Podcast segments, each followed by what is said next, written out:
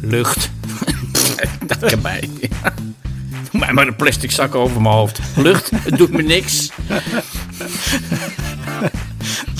Nou, ik zie hier al de anti-luchtvereniging binnenkort op Facebook verschijnen. Welkom bij aflevering 4 van Luie Friet, de podcast over bewust zijn. Mijn naam is Gijs van Dinter en naast mij zit zoals gewoonlijk... Siebe Doosje, welkom luisteraars. Welkom Siebe. Hey, en vandaag Welkom, gaan we het dan... Ja, dank je. Dank je. Eh, dit kan gelikt daar, maar we doen hem niet overnieuw. Want vandaag gaan we het eindelijk hebben over bewustzijn en eigendom. De aflevering die- Inderdaad. je, bent- je hoeft niet ieder woord te bevestigen wat ik zeg. Het is fucking irritant. Dus, anyway, verslik je niet in je koffie. Nee. Maar, ehm, eh, zie je, dan ben ik de draad kwijt. Ja, ja. Dat was namelijk eh, aflevering 3.05 die mislukt was. Ehm, dus we gaan hem nu overnieuw doen. En eh, vandaag gaan we het dus hebben over bewustzijn en eigendom. Maar, voor we dat gaan doen... We hebben natuurlijk in aflevering 3... eh, die niet ging over eigendom, maar over... waar ging die ook over? bewustzijn wat is, bewustzijn was, ja, dank je. Zie je, mijn geheugen is echt een zeef zoals gewoonlijk hebben wij op het einde een quizvraag gesteld aan jullie als luisteraar. En ik moet zeggen, we hebben veel meer inzendingen binnen dan ik eh, gedacht had. En voor degene die nu pas intunen, ehm, de quizvraag ging over muziek. En we bespreken onder andere in die aflevering dat stilte essentieel is voor muziek. Hè? Want zonder stilte kun je geen muziek hebben. Zonder ruimte waarin die muziek kan plaatsvinden, is er geen muziek. Terwijl er prima stilte kan zijn zonder noten. Dus zonder instrumenten. Dus je zou kunnen zeggen dat de stilte en ruimte essentiëler is dan de inhoud ervan, de noten. En het leek ons wel leuk, omdat stilte best wel iets met je kan doen. Hè? Dat er allemaal misschien onwenselijke of ongewenste eh, emoties omhoog komen die je eigenlijk liever niet wil voelen. En dan gaat het ego in verzet en dan, nou, dan krijg je allemaal gedoe in jezelf. Om direct de stilte in te gaan is een beetje heftig. Dus we dachten we gieten dat in een, in een quizvraag. Waarbij we een bekend nummer pakken. En van dat bekende nummer halen we alle noten en alle geluiden eruit, zodat alleen de essentiële stilte van dat nummer overblijft. Daar laten we jullie een fragment van horen, van ongeveer een seconde of 15 tot 20. En dan is het aan jullie om te, eh, ja, te raden van welk nummer die stilte afkomstig is. En Dat was, de quiz, dat was de quiz, quizvraag van vorige keer. Hè? En Ja, ja, ja. daar hebben we even, uitzend, ik, eh, eh. inzendingen over gehad. Ja, Ja. heel veel hè. Ja. Behoorlijk wat, ja. Ehm, nou, voor degenen die de vorige aflevering nog niet geluisterd hebben, eh, zal ik nog even het fragment één keer laten horen. En dan noem ik de drie eh, be- beste inzendingen op. En tevens maken we dan de prijswinnaar bekend. Ehm, nou, bij deze komt dan het fragment van de vorige keer. Hier komt hij.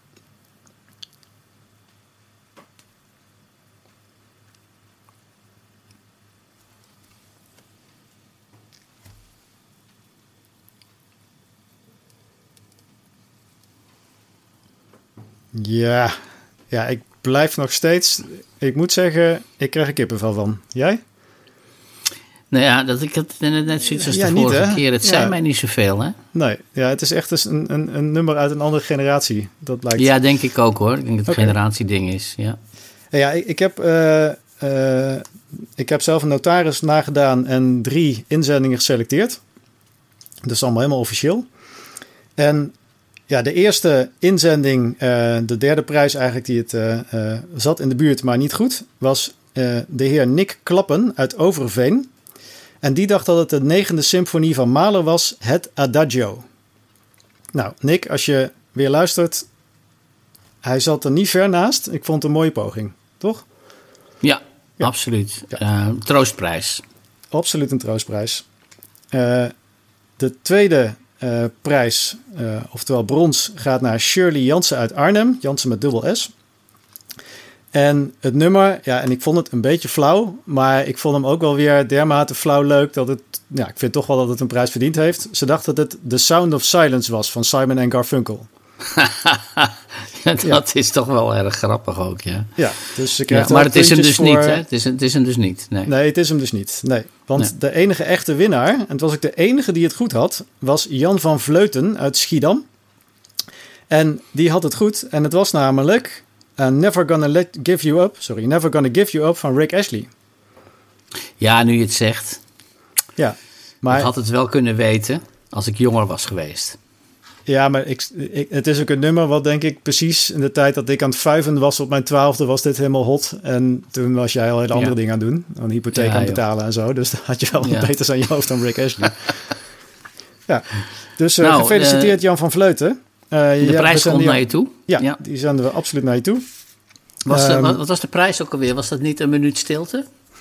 Eh, sowieso een hele cd met allemaal stiltes van nummers. Die hebben we speciaal voor jou samengesteld. Oh ja. Een cd, ja, ik weet niet hoe oud Jan is, maar anders dan eh, maak er een onderzetter van of doe er wat leuks mee. Maar misschien kun je hem nog Ja. afspelen. Eh, dat en de rest krijgt een troostprijs. We hadden het er namelijk over dat eh, vulling toch voor veel mensen wel heel essentieel is. En dat een gevulde koek eigenlijk altijd lekkerder is dan een gewone koek. Eh, dus dat we ook begonnen met een eh, idee om eh, een lege koek op de markt te brengen. Ja. Eh, dus die gaan we ontwikkelen. En eh, ja, Nick en Shirley, jullie krijgen als eerste een pak lege koeken van ons. Zo gauw we die eh, door de productontwikkeling en de hele rambam hebben. ja, maar het wordt, eh, ik, wat- kijk, moet wel even een aantekening maken, Gijs. Want het moet wel duurzaam verpakt zijn. Dat, dat vind ik wel een essentiële voorwaarde. Die Dat lege ben ik. koeken. Helemaal met je eens. Dus eh, daar gaan we nog even over brainstormen in ons marketingteam. Het moet biologisch afbreekbaar zijn. Ja. Ja, ik vind wel dat we, we proberen toch wat bij te dragen aan de samenleving met deze podcast. Dus Ja, ik ben het goed zo. met je eens. Goed zo. Ja. Staat genoteerd. hey, ehm, we hebben dan eh, de bekende start van onze podcast eh, Zin en Onzin. Eh, heb jij... ja, ik had eigenlijk geen zin deze keer. Maar ik had wel twee onzinnen. Ja, maar begin jij misschien- maar. Zal Begin ik beginnen? Ja, dat is misschien wel goed, dat hè? is leuk. Ja, joh. Ja, nou, onzin eh, nummer 1. Ik zat een podcast te luisteren van een niet nader te, niet nader te noemen succesgoeroe. Ja, dat was echt onbedoelde comedy. Het is echt, eh, ja, ik ga niet zeggen wie het is, vind ik lullig, maar het is, eh, het, het, ja, het is echt onbedoelde comedy. Het is briljant. En een van de eh, zaken die er naar voren kwam in een van zijn afleveringen, vond ik, het is wel een hem, dus dan heb je al eh, enigszins een idee misschien, is zo briljant. Ik denk, die moet ik delen met onze luisteraars. Want ik, ik vind, wij, wij doen hier met Luie Friet... eh, pogen we de wereld wat, nou ja, wat stiller en wat rustiger... en wat, wat verdiepter te maken. Maar het kan veel makkelijker, Siebe. Wij zitten echt ontzettend moeilijk te doen. Alleen al die vorige aflevering was zo'n gezwam over een definitie van bewustzijn. Totaal onbegrijpbaar. Maar Ja, het is heel simpel om een leuker leven te hebben. En die, deze succesgoeroe die heeft namelijk een gouden formule. Daar begint natuurlijk al mee. Hè? Dan weet je al, nou, dit wordt goed. Een gouden formule, succesformule voor een leuker leven. En ik ga die natuurlijk ook met je delen. Ik denk wel dat dat mag. Ehm, de succesformule, ben je er klaar voor? Mm. Eh, ik zal het ook een beetje doen met dezelfde stem. Ehm, want die praat namelijk ongeveer zo. De gouden succesformule, Siebe, voor een, een leuker leven is als volgt. Kijk, wat heel belangrijk is als jij een leuker leven wil, en dat meen ik echt, dat meen ik echt wat ik nou ga zeggen, is dat je meer dingen doet die je leuk vindt en minder dingen die je niet leuk vindt.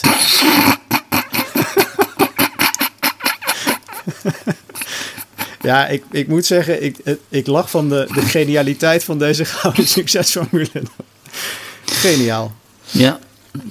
Dus ja, hij is Ja, wel dit- dit rijker dan wat ze- wij zijn. Dus blijkbaar werkt het wel. Weet je hoe ze dit noemen? Dit is hedofilie. Het klinkt als een ongeneeslijke ziekte, maar leg uit. Nee, he- hedonisme is dus de, dat je dus eh, op, op zoek bent continu naar zintuigelijke prikkelingen, waar die jou plezier brengt. Oh ja. En deze man leidt dus aan hedofilie. Dus die houdt van, van dingen die, die hem plezierig eh, prikkelen. En ja, hij houdt dus niet van dingen die hem onplezierig prikkelen. En dat raadt hij dus ook af. Ja, ik vind, ik vind het wel. ik- de vraag is eigenlijk hoe onzinnig het is. Ga je het nou voor hem opnemen? je wil gewoon net zo rijk worden, denk ik. Want hij is wel rijk, namelijk. Dat heeft hij dan wel heel goed voor elkaar. Dat, eh, dat heb ik dan weer niet. Ik ben eh, ja, niet rijk. Nee, maar eh, dus dan mag jij beginnen met uit te leggen waarom je dit onzinnig vindt. Nou ja, kijk, het, het, het punt is natuurlijk... Je zet, je me nou te naaien, want ik, jezus, ik ga er ook absoluut, gewoon op Absoluut, ik zit je absoluut te naaien, ja.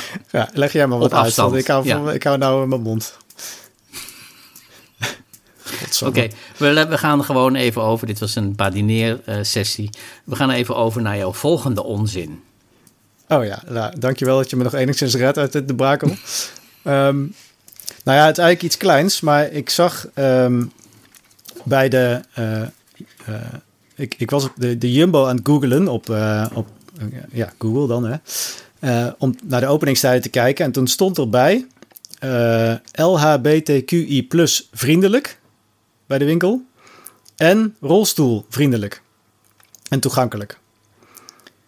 En ik vond het wel heel mooi, want het geeft wel aan dat je voor iedereen open staat. Hè? Dat is ook een beetje wat bewustzijn natuurlijk over gaat. Dat is, zegt ja tegen alles. Ja, Ook dus tegen rolstoelonvriendelijkheid, maar dat laten we nou voor buiten. Ehm, dus ik vond het wel mooi dat wij eh, vanaf nu ook, eh, en dat heb ik inmiddels geregeld, dus daar hoef jij niks meer voor te doen, Siebe, hebben wij ook een rolstoel toegankelijke podcast. oh, Ja, dus vanaf nu, ook al zit je in een rolstoel, is geen probleem meer, je kunt ons gewoon luisteren. wauw. Ja, hè? Ja, Oh, dus, dus ze hoeven, er niet meer de trap voorop. Nee, zoals het voorheen het geval was bij aflevering 1 tot en met 3, kun je ook gewoon beneden blijven en Er luisteren. is nu een lift waarmee je onmiddellijk naar het hoge bewustzijn kunt suizen. Ja. Ja.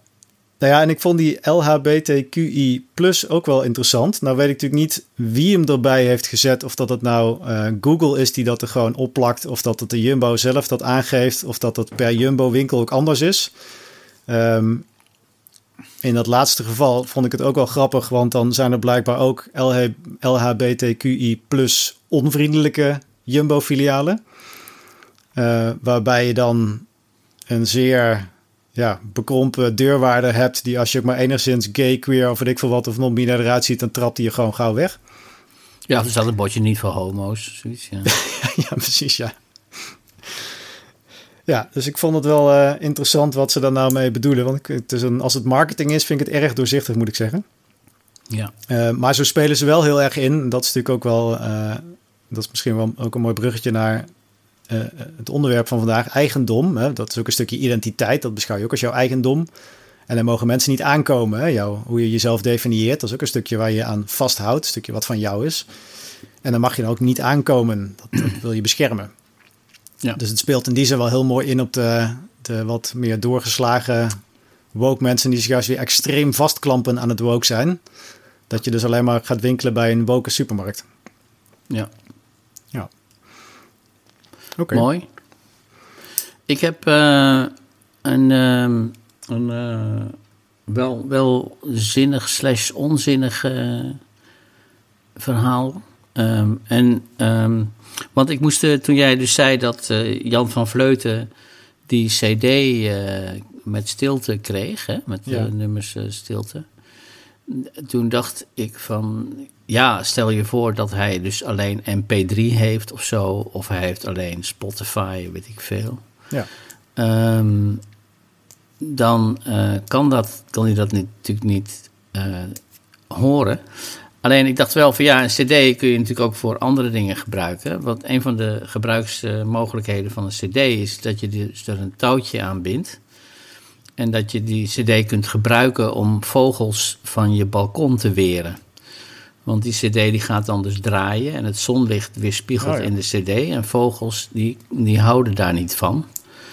Dus die blijven dan van je balkonnetje weg. Dus dat leek mij een zinvolle suggestie voor Jan van Vleuten. Waar kwam hij ook alweer vandaan? Eh, Jan kwam, even kijken hoor, uit Schiedam.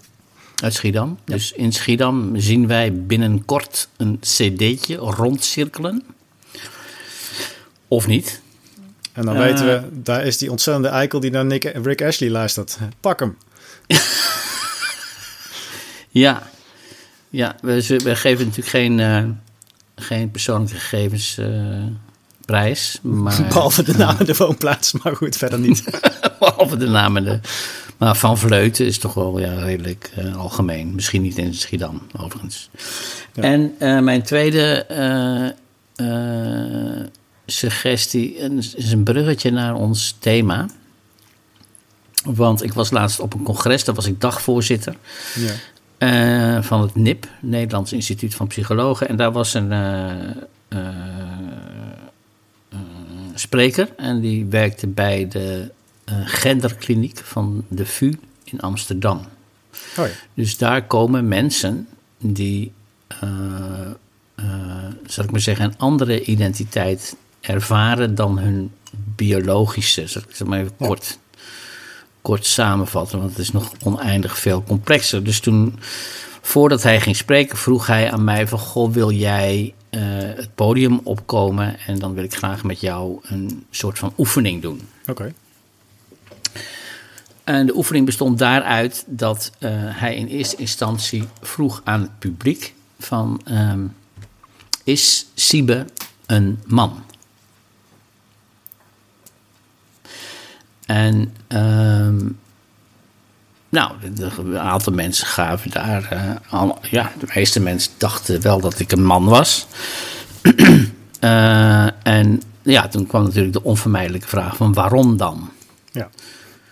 Nou ja, ik had kort haar.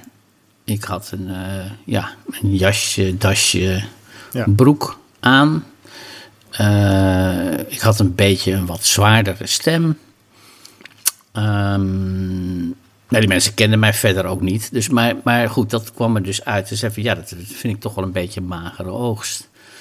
En toen vroeg hij dat aan mij. En ja, toen wist ik daar natuurlijk ook niet zo goed een antwoord op te geven. Behalve dan dat ik zei van ja, ik heb mezelf altijd beschouwd als een man, omdat ik eh, opgevoed ben als een man. Hè? Dus dat wil zeggen dat ik heb geleerd om eh, flink te zijn, dat ik heb Ja. geleerd om eh, kostwinner te spelen en dat ik eh, moet zorgen voor mijn kinderen en dat ik moet werken. En ja, het huishouden kwam dan een beetje, in mijn opvoeding althans, misschien een beetje wat op de laatste plaats. Maar inmiddels ben ik daar heel goed in geworden trouwens. Dus misschien ben ik ook wel wat meer een stereotype vrouw geworden, dat weet ik dan niet. Maar goed, ik kwam dus van dat soort gedachten kwam ik dan eh, mee. Hè? Dat was natuurlijk ook buitengewoon ontoereikend. Ja.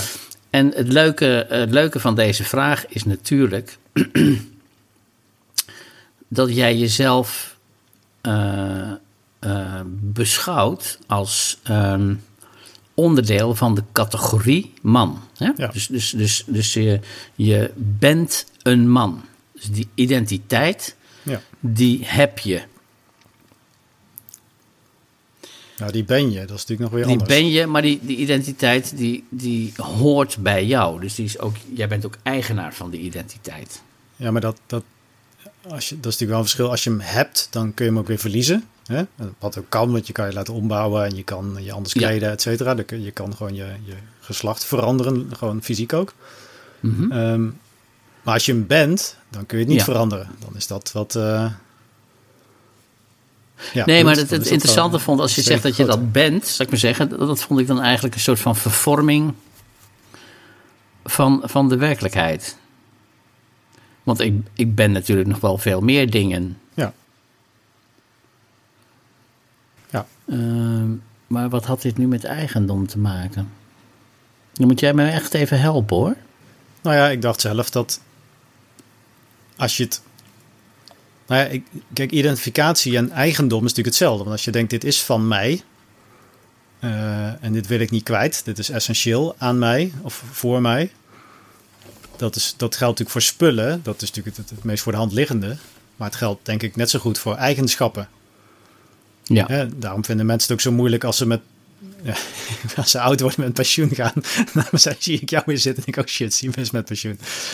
Nee, maar ik, ik zie dat wel veel. Je hebt dat dan niet zo volgens mij, maar dat, ik zie wel, dat weet ik niet, meer is een aanname. Maar dat, ja, als je je baan verliest. Ik weet, mijn vader heeft het daar echt heel moeilijk mee gehad. Want dat was gewoon onderdeel van zijn identiteit. En toen hij die baan kwijt was, was hij gewoon zichzelf ook echt een stuk kwijt. Dat heeft best lang geduurd voordat hij weer een beetje een, een alternatief leven had opgebouwd. ja, dus hij identificeerde zich Ja. met eh, de, de, de werknemerrol, zal ik maar zeggen. Ja, en ook, ook echt het specifieke beroep. Daar was die, Ja. ja. hij had 40 jaar bij dezelfde baas gewerkt, weet je wel, die generatie. En hij was gewoon wat hij deed. Ja. En dan blijkbaar dus niet, want hij is nu, eh, hij leeft nog steeds en hij is nou gewoon pensionado. Ja. Maar ehm, ja, ik denk dat het ook wel als je bijvoorbeeld een, een ledemaat verliest of zo, ja, dan ben je ook wel een stuk van jezelf kwijt. Zo lijkt het dan in eerste instantie. Ja. En ehm, kan bewustzijn daar iets aan veranderen? Kijk, ik, Ja, dat is- ik, dat, dat, dat is dan de vraag, hè? Ja. Ehm, Wat denk jij, Siebe? Kan dat? oh, wat een, wat een leuke vraag stel je me daar. Ehm, ik probeer een beetje de gang in het gesprek te houden. Ja. Dat is dan, eh, ja, ja, ja, want het loopt anders wel een beetje dood. Nee, wat, wat ik denk is dat je, eh, eh, dat je dat soort klassificaties, zal ik maar zeggen, dat zijn natuurlijk ook gedachten. Hè? Dat zijn natuurlijk, Ja. dat, is, dat is wat jij denkt. Dus dat Ja. komt langs en dan, dan ja, ik ben een man. Ja, ja, goed, tuurlijk. Is dat, is dat wel zo? Zijn er andere identiteiten die je in jezelf eh, eh, verenigt? Is man eigenlijk wel de belangrijkste? Ehm, eh, moet je sowieso wel ingaan op dat idee? Of moet je eigenlijk heel ergens anders over praten? Ja. Of moet je gewoon stil zijn?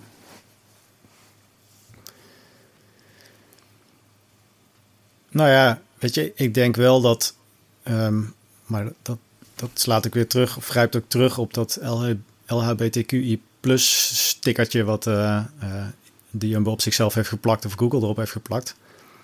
Ehm, als je je met wat dan ook identificeert wat, wat vorm is, dus alle ge gedachten, emoties, sensaties, eh, concepten, ideeën. Want inderdaad, man, ja, geen enkele baby ziet zichzelf als man of als vrouw. Dat, dat, wij zitten altijd er tegenaan te lullen. En op een gegeven moment krijgt het blauwe muisjes of roze muisjes.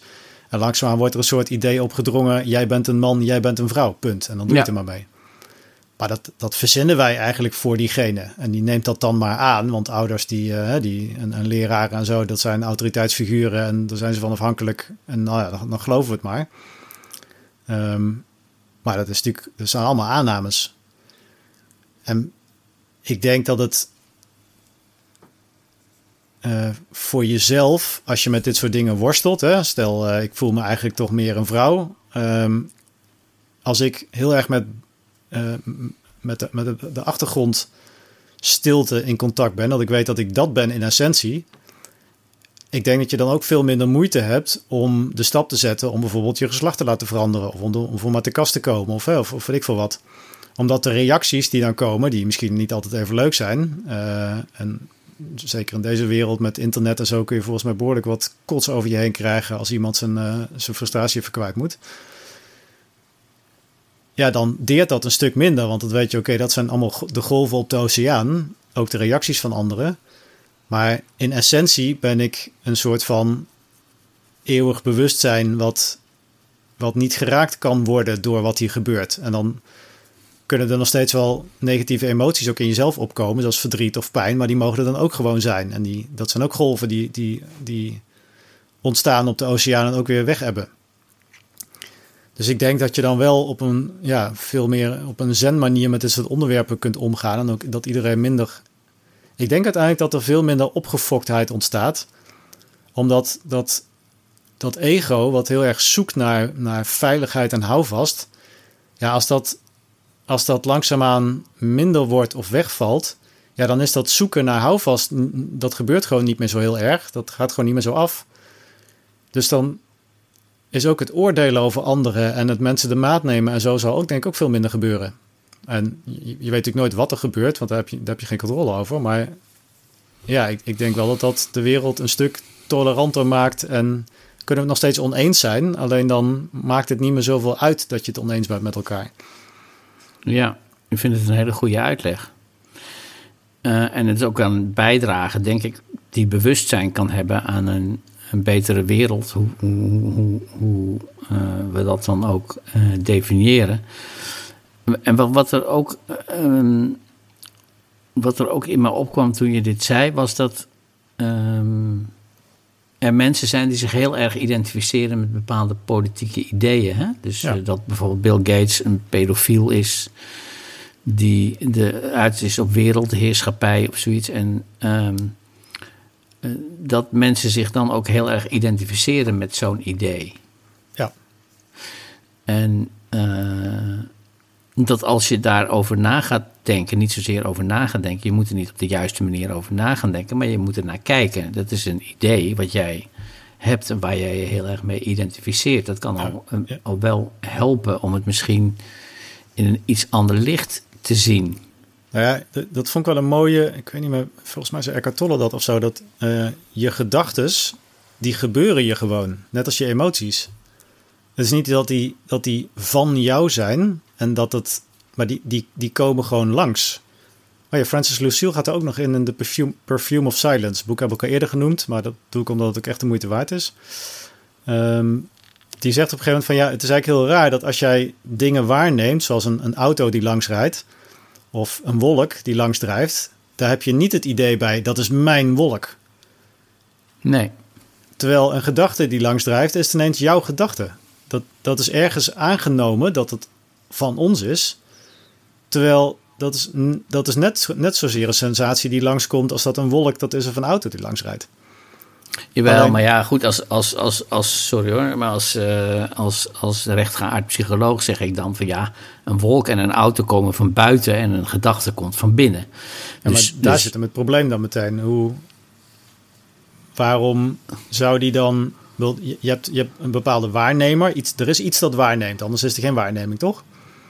Dat denk ik dan haast wel, ja. Ja, anders, anders was er niks. Ehm, dus er is blijkbaar iets dat waarneemt in ons of, of als ons. Ehm, en dat dan die gedachte, dat ik zeg, dat is, die is van mij en die moet ik dus serieus nemen. Want daar Nee, wacht even, dat, is, ja, dat, dat, dat is even, zijn even Ja, twee, zijn twee- dingen. twee dingen? Ja, dat is waar. Twee dingen. Ja. Dus die gedachte is van mij, is eigenlijk op zichzelf een vrij logische gedachte, omdat eh, eh, hij in jouw hoofd opkomt en niemand anders dat ziet. Dus die, auto en die wolk, die kunnen andere mensen ook zien. Daar kun je wel over praten of dat dan ook daadwerkelijk zo is. Of je dat ook daadwerkelijk gezien hebt, allebei. Maar Ah, Oké, ben ik met je eens. ja, dat kun je checken. Ja. ja, dat kun je checken. Dus, dus, dus die gedag, een gedachte, eh, die kun je beschouwen als nou, dit, mijn, mijn brein of, of mijn geest produceert die gedachte. Ja. Ja? Eh, dat is niet zo onlogisch, maar inderdaad, als je dan stap 2 gaat nemen, je identificeert je daar ook heel erg mee. Ja. Dat is stap 2. Ja, nou, Dus ik, dat je gaat ik denk sowieso dat stap 2 kun je sowieso zetten. Hè? Dat is ook wat ze in ACT en in, eh, in Zen en zo allemaal doen. Eh ACT is Acceptance and Commitment Therapy. Daar is ook een special van eh, met Sergio van der Pluim. Die legt het wel heel mooi uit. Ja, Ehm, dat heet dan diffusie. Dat je dus, je ja, gedachten komen er 50.000 per dag langs of zo, hè, hebben ze geschat. Ja, als je die allemaal serieus gaat nemen, dan word je knettergek. Ja. Dus eh daar gewoon mee ophouden, dat is een heel goed idee. En ik denk als je nog een stap dieper gaat, kun je ook ontdekken, als jij de lege ruimte bent, dan ontstaan gedachten daar blijkbaar in. Net zozeer als dat alle andere waarnemingen daarin ontstaan. Dus ja. eh, die zijn niet van jou of van iets of van iemand. Dat zijn gewoon dingen die ontstaan en ook weer verdwijnen. ja. En ja, ik denk wel dat het een hoop scheelt voor compassie naar elkaar. Als we weten, oké, iedereen is hier in principe een lege ruimte waarin blijkbaar dit nu ontstaat. Eh, ook de wat minder leuke figuren op de wereld, ja, blijkbaar ontstaat dat ook bij hen. En zij nemen het dan wel extreem serieus, want ze gaan er naar handelen. Maar dat is ook dan maar wat er gebeurt. Die hebben blijkbaar nog niet de realisatie gehad van... oké, wacht even, dit zijn twee verschillende dingen. Ik, ik, hoef, ik, ik, ja, ik kan hier ook afstand van nemen... en dan stopt dat extreme zoeken waarschijnlijk... en ook hun nare gedrag. Ja. Maar goed, Ik- hey, maar dan over eigendom. Want dit is natuurlijk wel Ja. leuk. Toch Nee, beschouwen want ik, wij ik wilde dingen als ons eigenlijk even eigendom. naar... Zei je? Ja, toch beschouwen wij dingen als ons eigendom. Hè? Je, wil, je, hebt, je Ja. doet je huis wel op slot, bijvoorbeeld. Tenminste, denk ik. Ja. En je auto op slot, anders wordt die ook gejat. Ja. Dus betekent dit inzicht dan... hey, doe gewoon je fiets niet meer op slot. Leg je cash buiten op straat... en geef iedereen je pinpas en code. Nee, want we hebben natuurlijk allemaal een ego-leven. En dat ego-leven, dat is, eh, we maar zeggen, opgericht om te overleven. eh, en om, om staande te blijven. Je gaat ook niet zeggen van ja, voeding. Ja. Dat is voor watjes. Lucht. dat kan mij. Doe mij maar een plastic zak over mijn hoofd. Lucht, het doet me niks. Nou, ik zie hier al de anti-luchtvereniging binnenkort op Facebook verschijnen. Maar, Bij een ehm, luchtwappie. maar ik denk wel, eh, daar zit toch wel weer die, die stap met identificatie in. Ja. Eh, dat als jij gaat denken dat jij die auto eh, bent, of dat, jij, dat die auto heel belangrijk is voor jouw identiteit, of dat jij dat, dat, dat het jou, jouw mede bepaalt, of jouw televisie, of weet ik het wat. Eh, ehm, dan, dan, ja, dat is voor mij niet echt ethisch het juiste pad. Dus ik doe hem wel op slot, want ik heb hem af en toe nodig, die Ja. auto. Ehm, mm, maar eh, eh, ik moet niet gaan denken dat dat het belangrijkste eh, is in mijn bestaan. Dat klinkt trouwens wel een beetje zwakjes. Maar, ehm, ik snap wat je bedoelt. Nou ja, kijk, en, en, en, dat hangt samen met de vraag eigenlijk. Dus is bezit geluk? Want, eh, want ehm, eh, heel veel mensen schijnen te denken tegenwoordig dat bezit, hoe meer je bezit, hoe gelukkiger je bent. Hè? Ja. Dus ehm, eh, laatst was Sylvie Meis die was beroofd in haar eh, appartement. En er was voor 800.000 euro aan sieraden en Tering. tassen gestolen. Ja, maar dan, Dus- die had hij nodig om alle sieraden in te stoppen. Dat snap ik nog wel. Ja, maar goed, ehm, eh, dus dat wordt dan beschouwd als een, eh, als een enorm verlies eigenlijk. En, en ook een verlies van iets wat haar heel dierbaar is. Maar hoe belangrijk het nou eigenlijk is. Ja, er is zo'n mooie uitspraak, toch? Volgens mij komt die ook uit de Zen of zo, denk ik. Ik weet het niet meer. Maar eh, eh, die gaat, ik vertaal hem even vrij uit het Engels eh on the fly.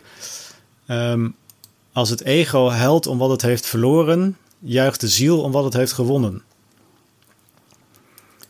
Oh, dat vind ik wel een hele mooie diepe hoor. Ja, ja, ik heb hem gejat hoor, maar dat... Nee, maar goed, als je, de, als je de bron erbij geeft, dan mag het hè. Dat is, eh, De bron is is altijd leeg te sieben, dus dat is de eeuwige disclaimer hier. Daarom. En daarin, oh ja, nou weet ik weer wat ik wou zeggen. Want daarin, ehm, eh, kijk, geluk komt niet van buitenaf. Nee.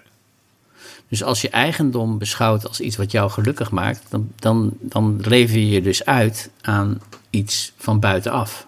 Wat je gegarandeerd kwijt gaat raken. Wat je gegarandeerd kwijt gaat raken.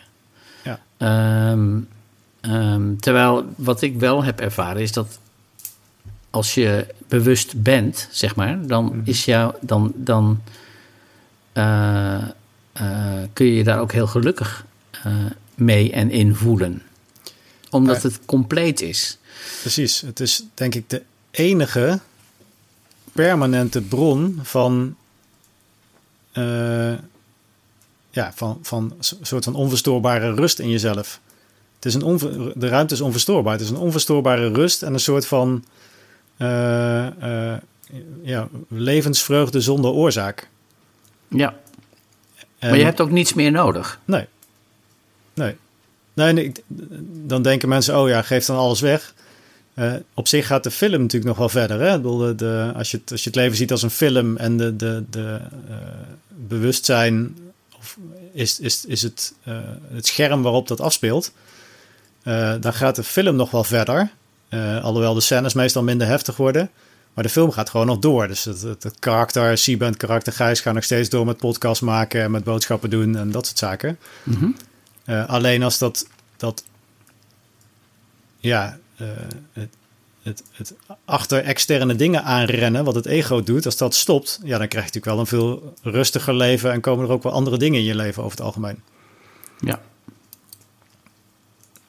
Ja. Dus ja, ik, ik, het is en denk ik heel erg naar voor Sylvie Meis, want ze heeft daar natuurlijk wel haar, haar identiteit blijkbaar enorm aan verbonden. Ja. Eh, en aan de andere kant kunnen dat soort verlieservaringen ook een, en hoe groter de verlieservaring, vaak hoe krachtiger het effect is, dat je dan ook in een soort overgave terechtkomt en denkt: oké, ik kan hier niks meer aan doen. Dit is niet te fixen. Ik moet wel, ja, ik val stil. Dit is niet op te lossen. En dan is er een soort stilvallen. En daarin voel je dan voor het eerst die lege ruimte die je echt bent. Ja. Dus gecondoleerd. Ik zou, ik, zou hier bijna Sylvie. willen, ik zou hier bijna willen stoppen, omdat ik dat een hele mooie gedachte vind. Maar toch niet. ik wou nou nog even iets, iets kwijt over eh, Karl Marx. Want ik, was, ik ben bij het graf van Karl Marx geweest. Ja, Heel interessant, want dat is eigenlijk een enorme ode aan zijn ego. Hè? Want zijn, zijn, zijn, er staat een, een, een, eh, zijn kop, zijn gebeeldhouwde kop staat er bovenop. oh ja. Het is versierd, het is enorm. Er liggen ook allemaal verse bloemen voor. Hè? Dus, dus, dus er is, die, die man wordt, is als ego enorm geëerd door het graf wat voor hem is opgericht. Nou kan het zijn dat hij dat zelf niet in de hand heeft gehad, maar dat het zijn familie was. Ja. Eh, hier ligt iemand, hoofdletter I.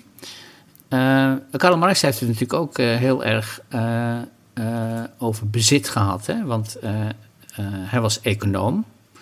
En hij zei dus dat de bezittende klasse alles zal doen om haar bezit te, te behouden en uit te breiden. Ja. Ten koste van de arbeiders. Hè? Dat was dan eigenlijk een beetje het idee. Ja. Dus, dus even heel kort door de bocht. Nou, dus zijn, dat gebeurt gelukkig tegenwoordig niet meer. Nee? Nou ja, het zie je toch nog steeds overal om je heen gebeuren. Dus eh Ja. burn-out percentage is niet voor niks door het dak. Dus het is nog steeds heel Nee. erg aan de hand. Dus daar had, hij een, eh, een, daar had hij denk ik wel een punt.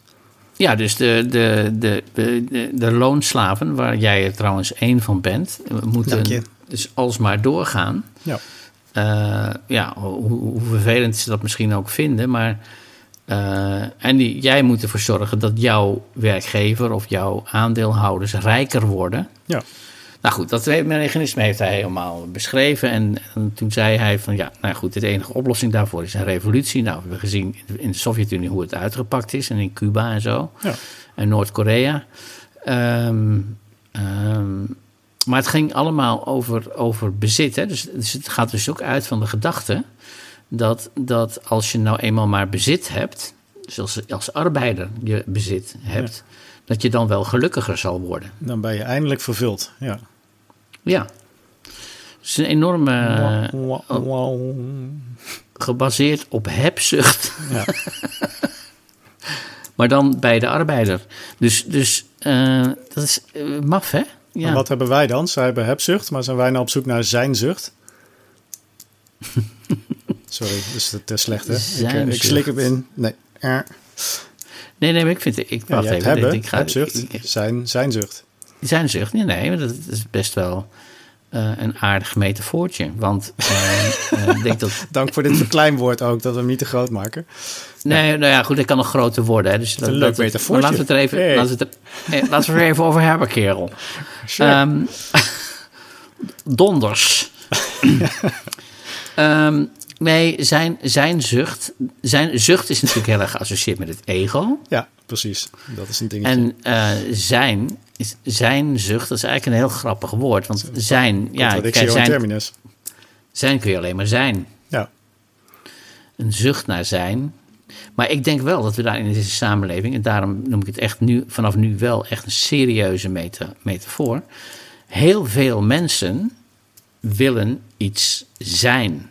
ja, En die willen zich dus ook eh, ehm, onderdeel weten van een groter zijn. ja.